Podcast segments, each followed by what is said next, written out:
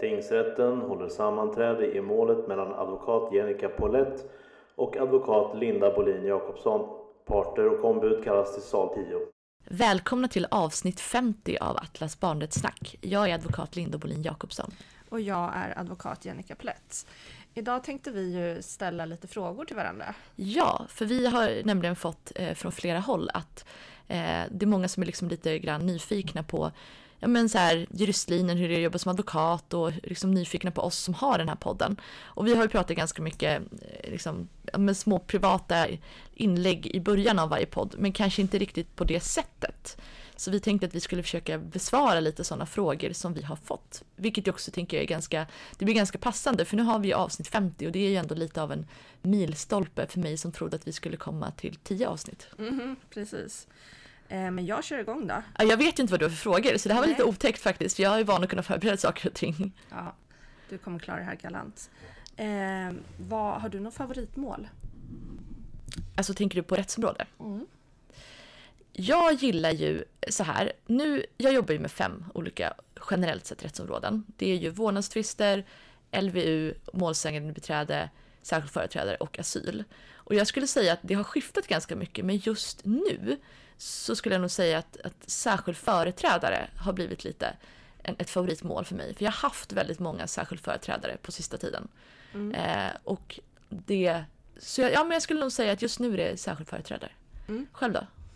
Jag skulle säga LVU. Ja, för jag... du har ju fått väldigt mycket LVU på sista tiden. Ja, precis. Och jag företräder ju alltid barn och aldrig mm. föräldrar. Eh, och jag tycker att det är väldigt nej men det är väldigt givande att träffa de här barnen som är placerade och liksom de är så jäkla starka. Alltså hur de... Eh, jag hade till exempel ett, ett eh, Facetime-möte med, med en, en ung eh, person igår. Mm. Och nej men, han var så himla liksom bjöd på sig själv och var så liksom adekvat i sina svar på mina frågor. Man blir så sjukt imponerad. Liksom, där har vi ett barn som har ryckts upp ur sin liksom, ja, det kanske inte var så trygg miljö, men, men hur sin invanda miljö. Eh, och liksom hanterar det så himla bra. Och det är ju den enda tryggheten som han känner till, så för honom är det ju ändå någonstans en trygghet. Ja, precis. Ja, nej, men LVU, det håller jag med om. Det känns väldigt givande överlag när man har för, för, både du och jag har ju svarat nu uppdrag som faktiskt där, där vi företräder barnet. Mm. Eh, och det känns, jag tycker det känns så himla givande att ha uppdrag när man företräder just barnet. För att det är så här, barn och djur, jag är ju väldigt så här, djurmänniska. Eh, barn och djur är ju, de är ju väldigt rättslösa. Alltså det är ju mm. verkligen så att det, eh, så det känns på något sätt så, man kan ju, ja, man kan ju inte företräda djur tyvärr, men eh, det känns som att man på något sätt gör en större insats när man företräder barn än när man företräder en vuxen. Även om väldigt många vuxna också på vissa sätt kan vara lite rättslösa så är det Absolut. ändå på något sätt att barn är barn. Liksom. Ja, och kanske särskilt i LVU att, oh ja. att föräldrarna är i behov av ett ombud. Verkligen. Ska jag ställa mm. frågor till dig? Ja, vi har ju, ska jag säga så här, vi pratade om att vi skulle förbereda lite frågor till varandra utifrån då de eh, önskemål vi hade fått. Men vi har ju inte pratat med varandra om varandras frågor innan, så därför blir det här liksom väldigt spontana svar, vilket kan bli både bra och dåligt. Vi kan ju tänka på olika sätt. Eh, min första fråga är faktiskt så här, vad tyckte du var värst under juristlinjen när du pluggade? Ja, men det är väl betygshetsen. Eh, det var ju en väldigt press att eh, det var många som liksom struntade i att skriva vissa tentor för att de kände att jag kommer inte få högsta betyg. Eh, jag gjorde aldrig det.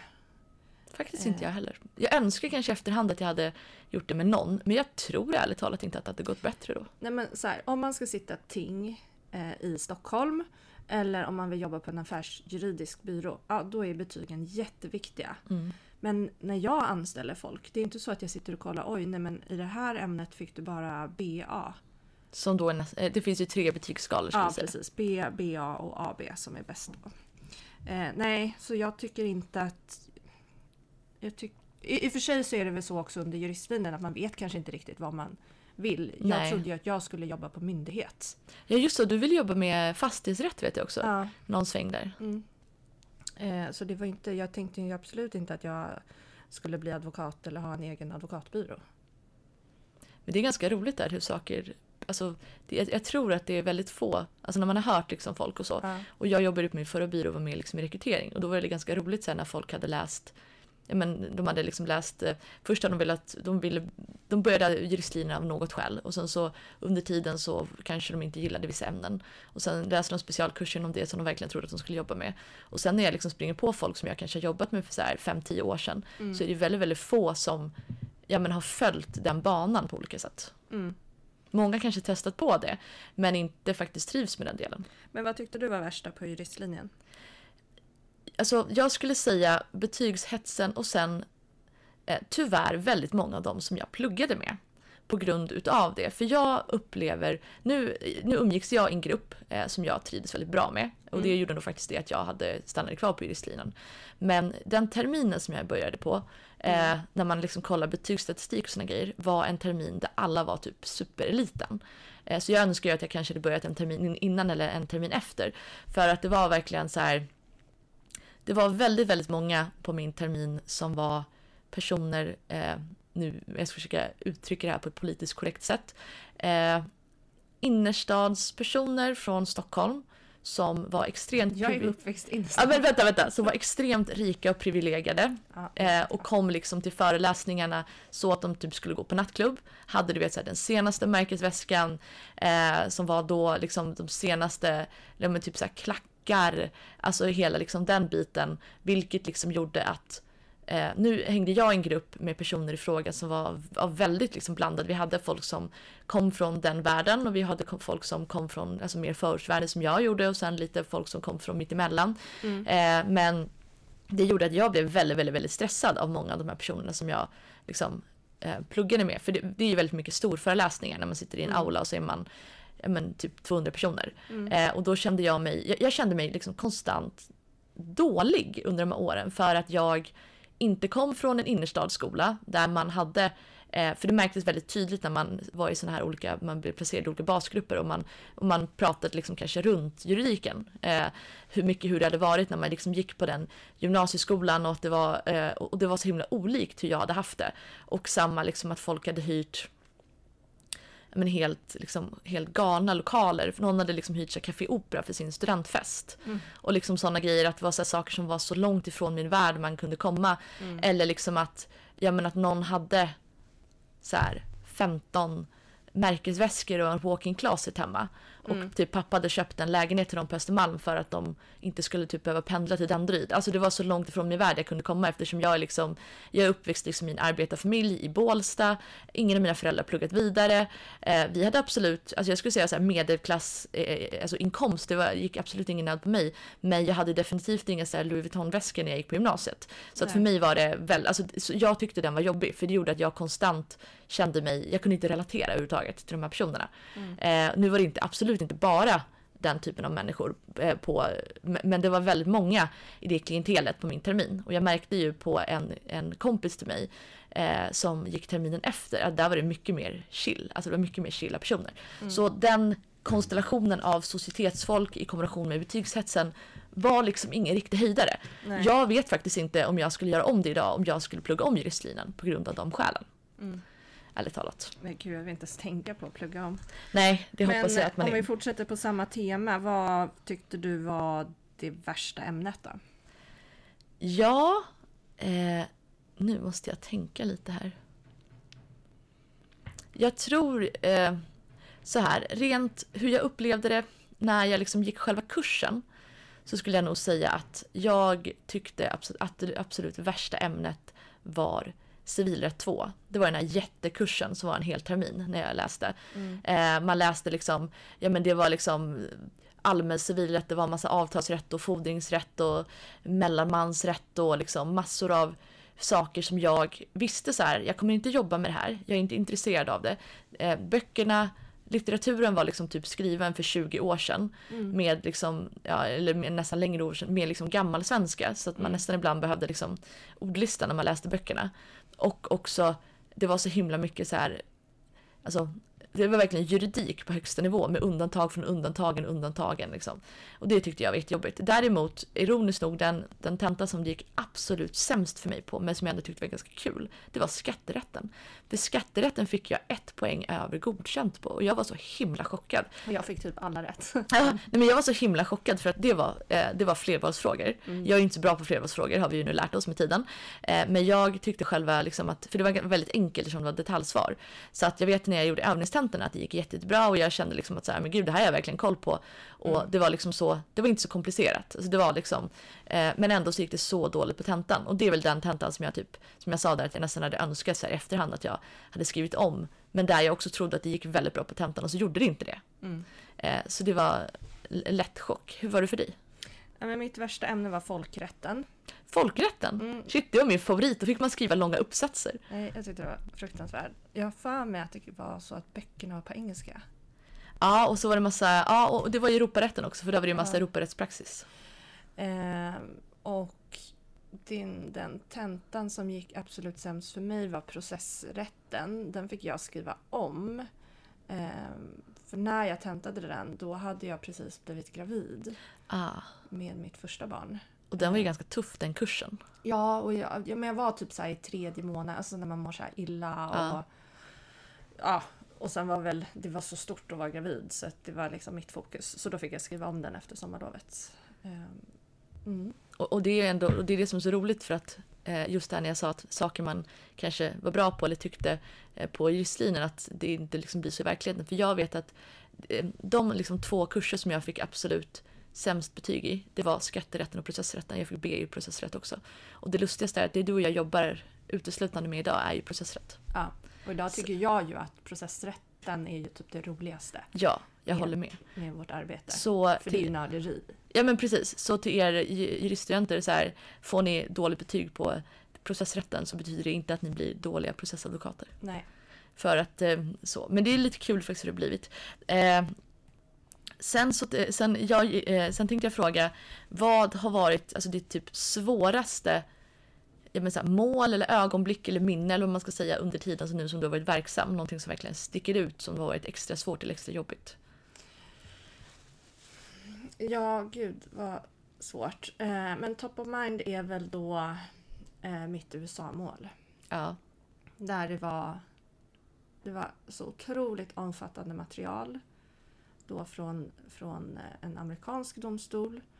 Och de har liksom helt annat system. Ehm, sen så var det väldigt liksom, obehagliga omständigheter.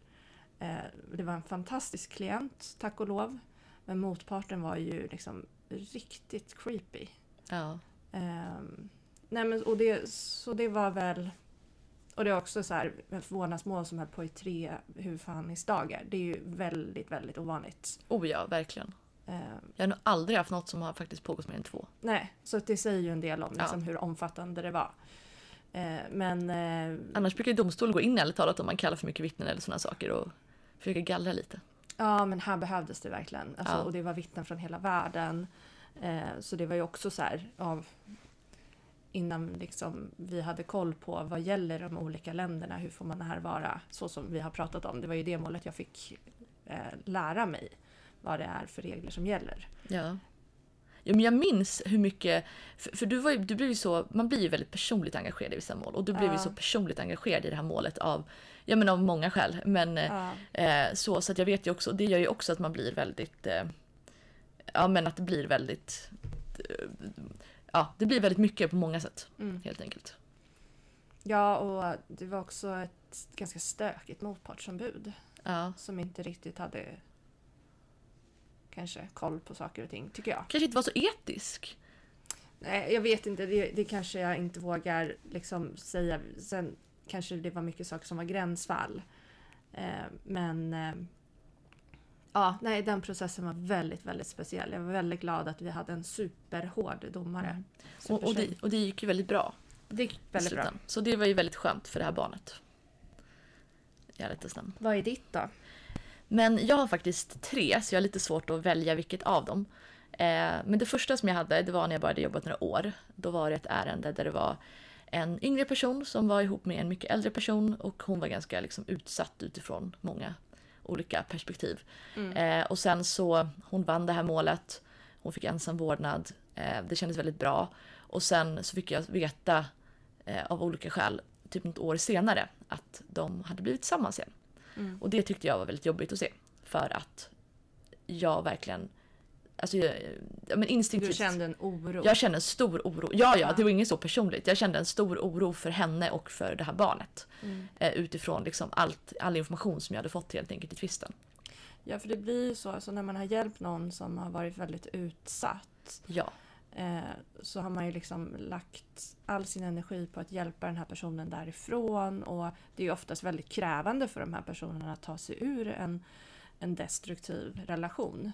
ja, Så man blir ju, om inte annat, väldigt förvånad när man får höra att folk Verkligen. har blivit tillsammans igen efter några år. Alltså, Vissa kan ju bli tillsammans, det har varit mycket tjafs och konflikter men det kanske inte har liksom varit våld, hot, missbruk och sådana saker. Då är det så okej fine, det, det förvånar mig men det kanske inte gör mig så orolig. Men här gjorde det verkligen mig orolig för hon stod i sådan sjukt stark beroendeställning till honom under processen. mm. Eh, som hon verkligen tagit sig förbi och sen så blev det som det blev. Mm. Så det gjorde mig lite orolig. Eh, sen så är det ett mål, ett annat vårdnadsmål som jag hade, ett av de längsta vårdnadsmål faktiskt jag någonsin haft. Där det var en motpart som förlorade vårdnaden och drog, det var mitt första också mål jag hade, ett mitt första utomlandsmål. Eh, där eh, motparten förlorade vårdnaden efter en väldigt lång process och fick panik och drog utomlands med barnet. Så att vi fick liksom förhandla under tio månader med det landet som hon drog till för att det här barnet skulle komma tillbaka. Mm. Eh, det i kombination med ett annat långt mål som jag har haft som fortfarande är pågående. Eh, där det liksom är någon som har hållit barnet så lång tid på olika sätt och påverkat barnet under så lång tid att det liksom, ja men vissa mål så fastnar ju när man har en klient under lång tid. Eh, och sen ett mål som faktiskt inte överhuvudtaget har med vårdnad att göra, det var ett av ett av mina första asylmål det, som jag hade med en familj från Afghanistan. Jag har haft många familjer från Afghanistan, men en familj från Afghanistan eh, där vi hade, vi hade en muntlig förhandling i förvaltningsrätten. Det, var, det fanns väldigt, väldigt mycket bevis i det här målet Mm. och förvalt, det var en oenig rätt. Och eh, just i och med att det var en oenig rätt, men att de dömde då till mina klienters nackdel, tyckte jag var så jobbigt för att det var liksom så Det så var- nära. det var så nära och det var så tydligt att, att rätten här, men man var, det, det var liksom inte helt klart.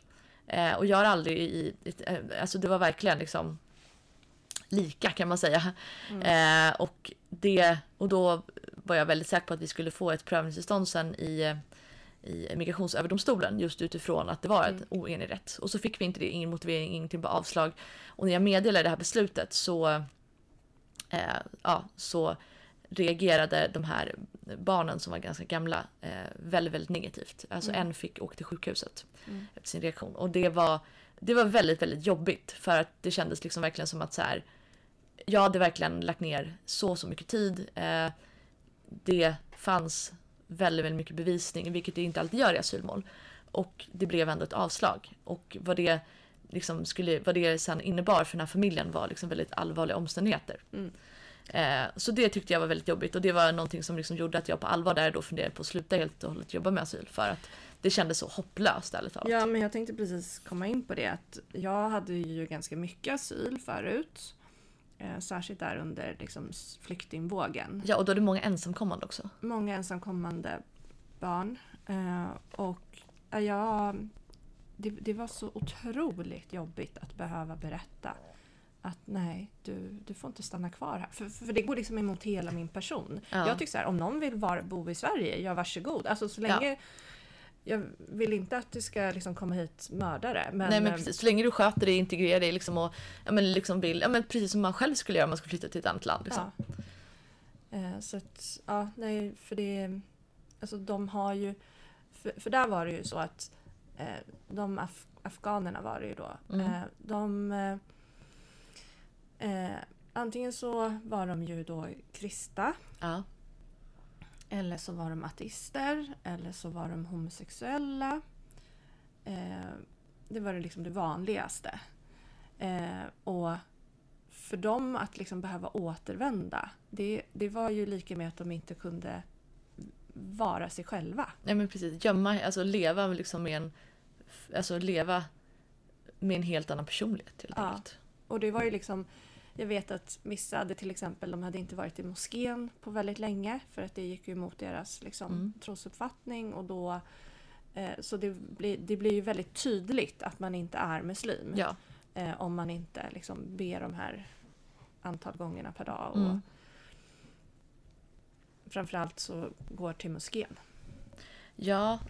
Nej, det, asyl är stor eloge till de som jobbar med det på heltid för det är ett ganska tröstlöst rättsområde utifrån det. Ja men verkligen och så tycker jag också att om man då jämför med annan förvaltningsrätt, alltså jag tycker ju inte att utredarna på Migrationsverket brukar vara speciellt trevliga. Nej, Eh, tolkarna är inte alltid bra. nej, Eh, stämningen i migrationsdomstolen, inte alltid jättetrevlig. nej. Processförarna för Migrationsverket är ju oftast väldigt aggressiva på ett sätt som motpartsombud i liksom en allmän domstol aldrig skulle få alltså, utrymme att bete sig på. Nej, och domarna är ju också så här, ja, idag kommer vi bara avhandla den här frågan. Ja, Så det blir inte ens upp till oss ombud att ta upp det vi tycker är liksom viktigt för våra klienter. nej, Utan de kan säga att nej men det där är vi inte intresserade av.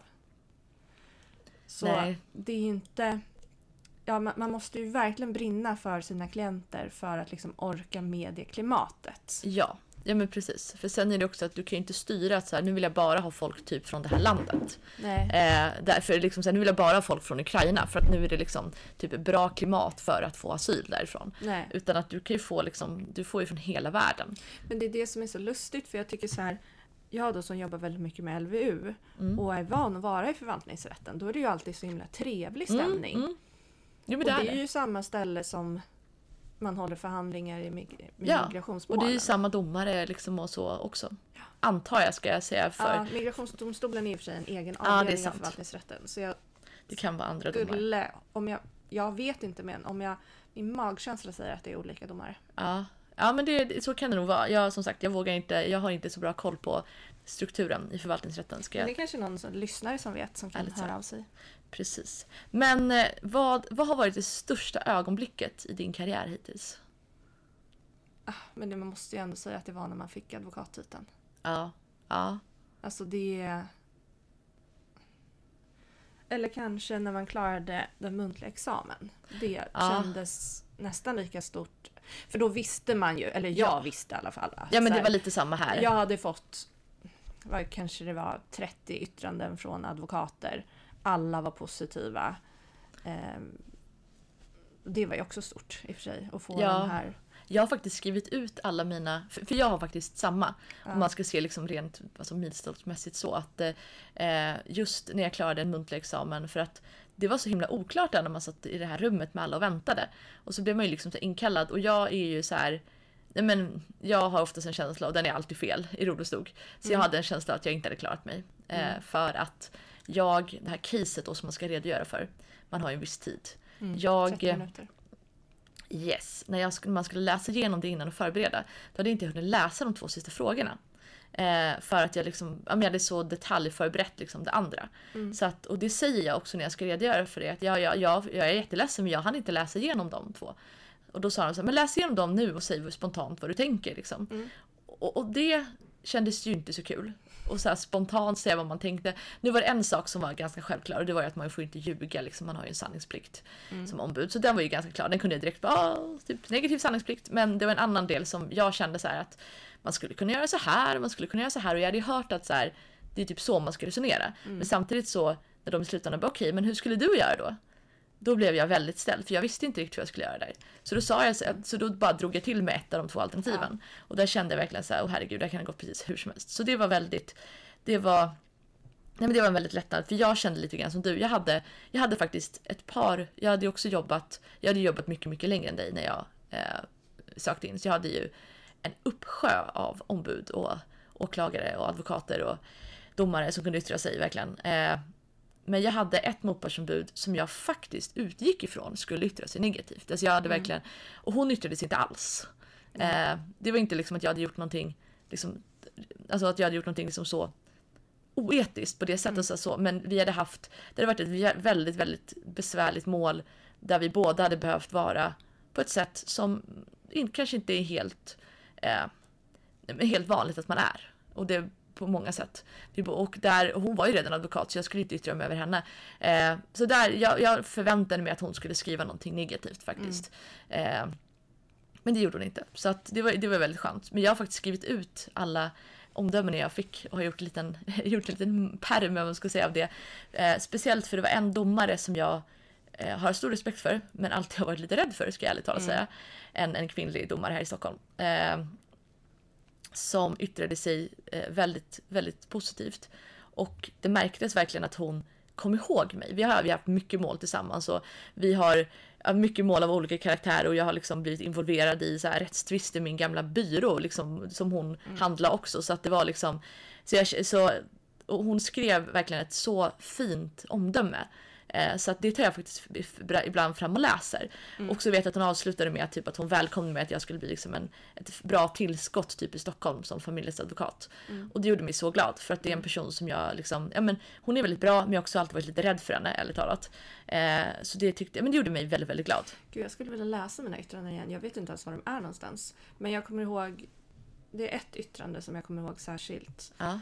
Och det var också en så här ja, men, en advokat som jag var lite rädd för. Ja. Det var ett av mina absolut första mål. Eh, hon företrädde en mamma, jag företrädde två pappor. Så det var två vårdnadstvister. Alltså hon hade stämt båda papporna. Mm. Eller om det var vi som hade stämt. Jag kommer inte ihåg det.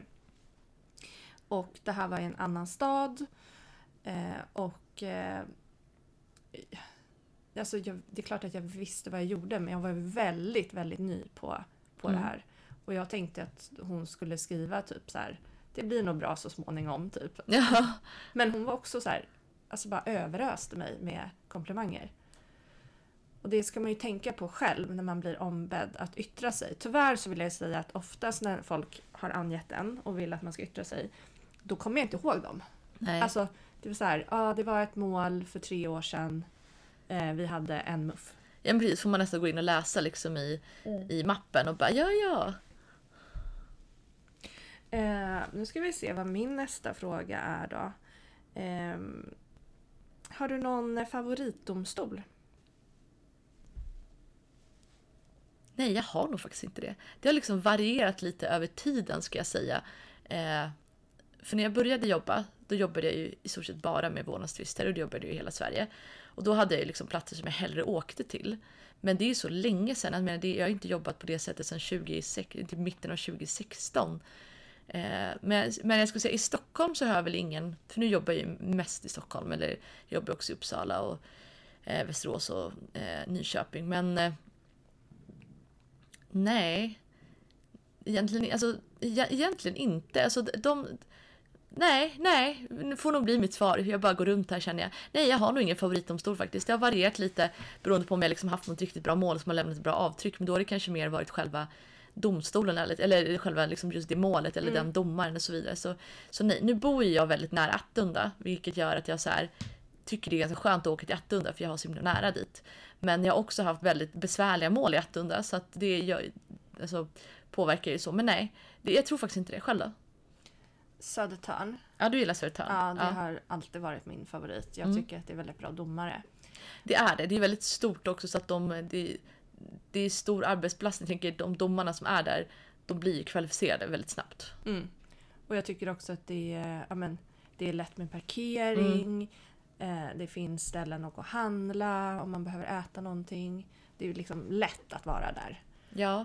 Eh, men nu på sistone så har jag faktiskt också börjat känna mycket för Attunda. Mm.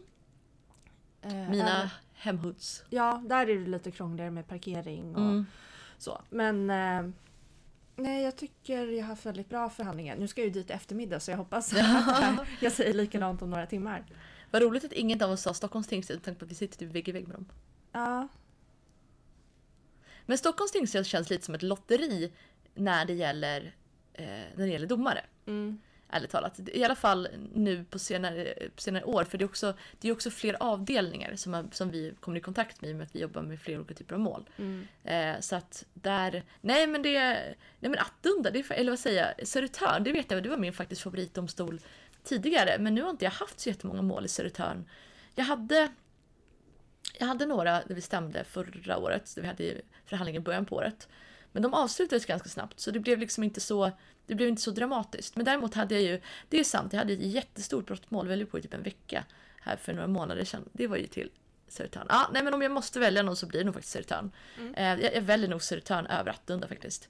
Eh, för, för det, men både Attunda och Södertörn känner jag lite grann att de har lite samma, dessutom ser tingsrätterna likadana ut nästan. Mm. Och sen så har de lite samma de har lite samma handläggningssätt.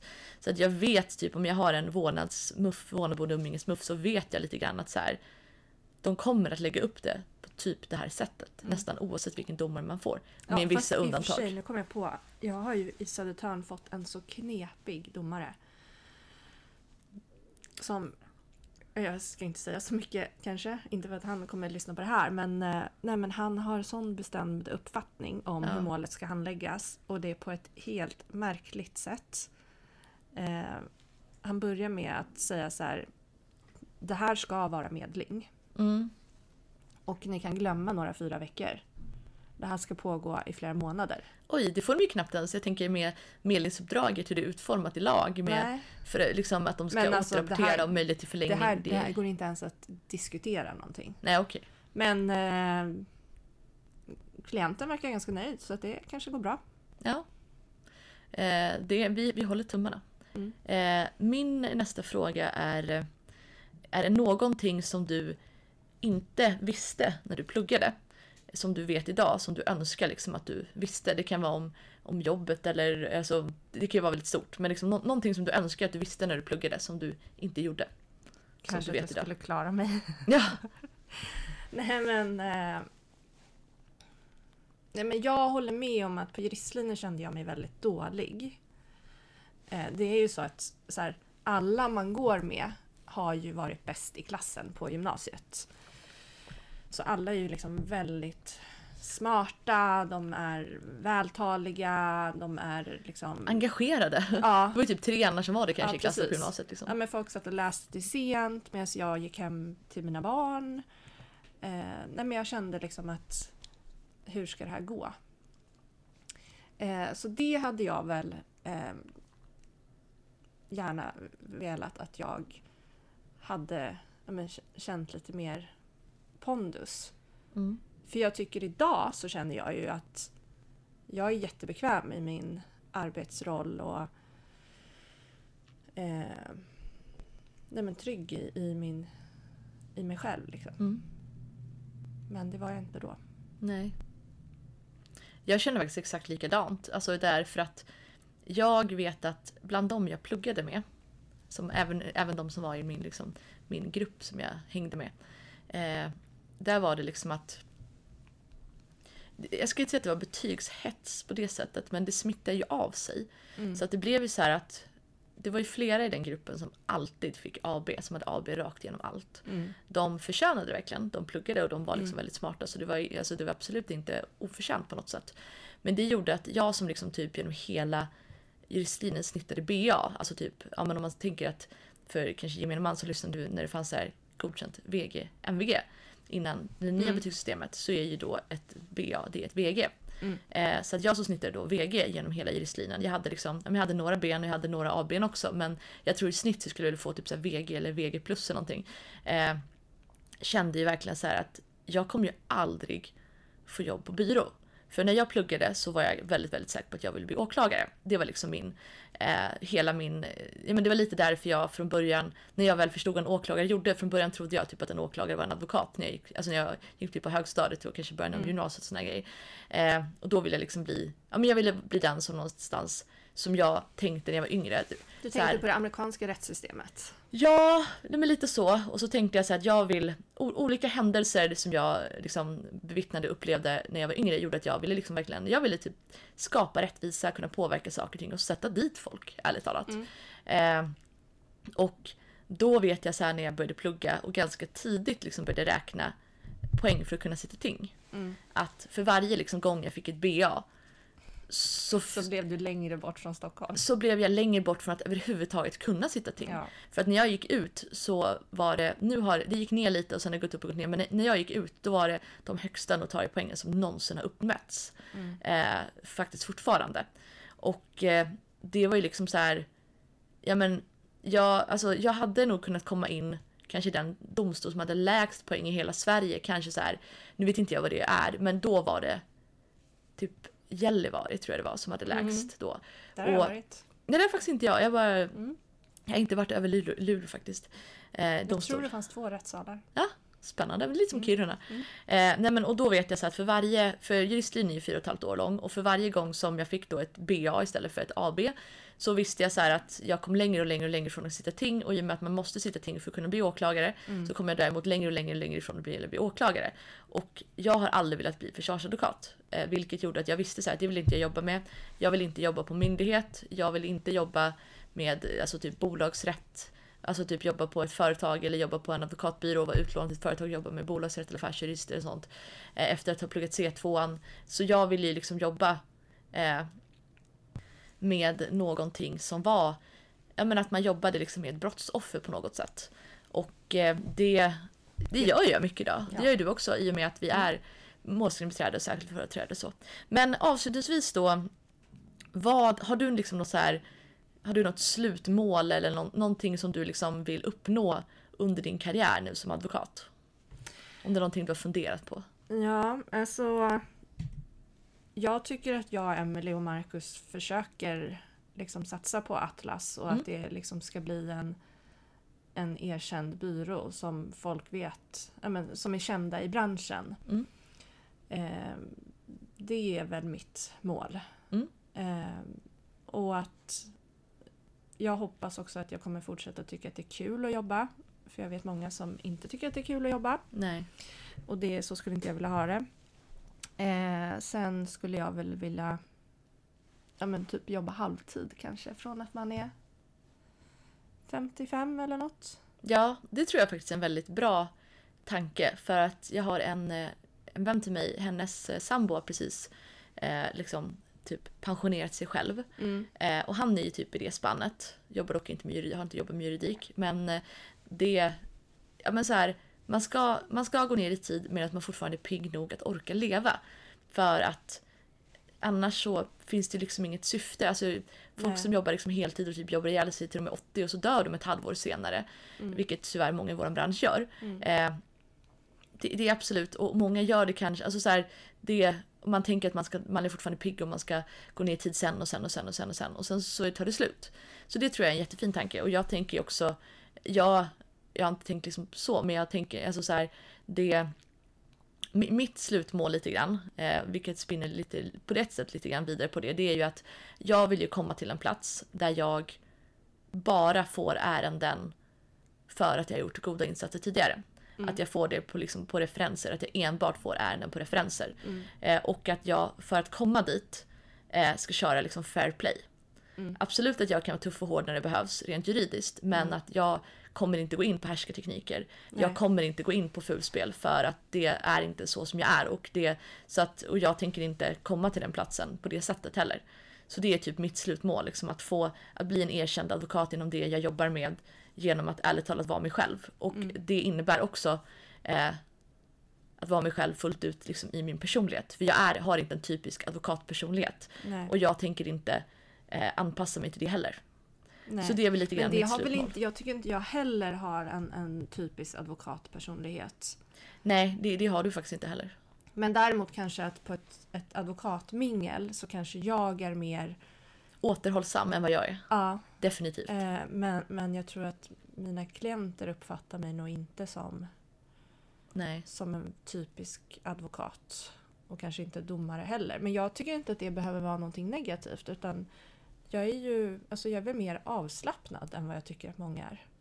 Ja, Alltså man ska ha respekt för domstolen men jag tycker många kan ha en överdriven respekt för att man kan inte ifrågasätta eller liksom. nej. Och sen är det så här att om man själv på något sätt liksom drar upp typ den auktoritära stämningen så blir det ju liksom en, en upptrappning, alltså även för domstolens sida. Ja. Så att jag, jag har ju jag vet när jag började, folk var så här, men du måste verkligen säga typ så här, typ så här ja för ordförande ungefär och sådana saker. Och det, det är inte av liksom respektlöshet, det är bara det att så här, för mig är det så konstigt att den här personen som sitter här, att du förstår, för vi lever inte ett sånt Fast liv de i Sverige. titulerar ju oss, advokater. Ja, jo men just det här, ja fru ordförande. Jag kan ju säga till exempel så här att, ja men som ordförande just sa så, för att det är ju en ordförande, så, eller Ja. som, som den här, liksom som rådmannen just sa så. Men när jag började så upplevde jag mer att det var alltså tvång att du skulle säga så här, typ så här, ja fru ordförande eller ja herr ordförande. Ja. Och så, det upplever jag överlag att det faktiskt har liksom, filtrerats bort i takt med att ordförandena blir yngre. Ja, och jag har nu sista tiden börjat s- säga tingsrätten. Har Ja. tingsrätten någon invändning emot att vi gör på det sättet? Ja, nej men det För tror jag också är bra. jag... Det är neutralt. Ja, precis. Det är neutralt För det är ju också så här, att säga du känns ju inte Nej, men det, det, det kan nästan bli en, liksom en härskarteknik åt ett negativt håll även om man inte tänker på det. Att man liksom minimerar lite grann tingsrättens betydelse. Så, att, För att så det ska man nog kanske inte göra. Nej, för det är också viktigt för klienterna och kanske motparten att de känner. De ska ju känna den Ja. här... Eh, det är jättenegativt med parter som inte har respekt för domstolen. Ja. Det har vi ju... Eh, jag tänker på två saker som Frida berättade. Dels den här... Eh, det var en motpart som försökte tala om för domstolen hur lagstiftningen såg ut. Ja, åh gud, det blir inte bra. Nej, nej det är, en sån klient vill man inte ha. Eh, det var alltså inte hennes klient. Eh, men sen berättade hon om en sak igår som hon hade varit med om som jag aldrig har stött på. Det var att när, man körde, när de körde Göteborgsmodellen, alltså att domstolen pratar Men en part med taget. en part i taget och den andra går ut. Då gick domaren från sitt skrivbord och satte sig mitt emot. Det var jag som sa. Men var det du Det som var sa jag det? som Det sa. var du som Det sa var det. min förhandling jag hade igår. Ja. Ja. Det var ju så bra. Ja. Alltså jag blev ju verkligen så här, nu, nu är det opassande i sådana situationer och efteråt och bara, men det här var snyggt gjort liksom. Det här var så, det skulle jag aldrig kunna göra. Men eh, det blir väldigt konstigt. Men jag tyckte det var väldigt bra för det visade verkligen att man liksom, men då, det, blev ju liksom rent mentalt som att domaren gick ifrån liksom sin auktoritära domarplats, Mm. gick ner typ på golvet med oss för att liksom så här, ja men typ för att säga okej, nu ska vi liksom prata om det här. Hur löser vi det här? Och det tyckte jag var väldigt bra. Eh, och också att han la, la, den, den domaren la väldigt mycket tid. Och liksom så här, ja men, ja, nej men det var bara liksom ett snyggt sätt att vara, sa också från början så här att nu kanske jag kommer prata olika länge mer. Det betyder inte typ att jag favoriserar någon eller att, eller liksom att någon lite grann är liksom mer typ besvärlig eller så utan att det handlar helt Fast det enkelt om betyder det visst. Ja, det beror på i, samman, alltså i sammanhanget. Ja. Eh, faktiskt. Utan mer så här att ja, vissa saker kanske mer är utrett där man vet verkligen väldigt klart på den ena Mm, sidan. jo. Men man inte vet på den andra sidan. Så, så att, eh, nej, men det var väldigt bra. Men vi ska ta och börja avsluta här för du ska iväg på förhandling och jag ska ha ett möte. Ja, men det här näst- avslutar vårt femtionde avsnitt av Atlas barnrättssnack. Mm. Galet att vi har kommit så långt. Nästa vecka så tänkte vi prata om någonting som jag har eh, stött på i veckan och det är hur kostnader för umgängesresor ska fördelas. Ja, för det är ju ett stort irritationsmoment ofta hos eh, klienter och parter. Eh, och även någonting som domstolar tycker är ganska jobbigt att prata om. Mm. Eh, så det ska vi prata om då. Och som vanligt om ni har några frågor eller funderingar så hittar ni oss en, eh, enklast på våra respektive Instagram där jag heter advokat Linda Bolin Jakobsson. Och jag heter advokat Jennica Pollett. Tack för att ni har lyssnat. Hej då!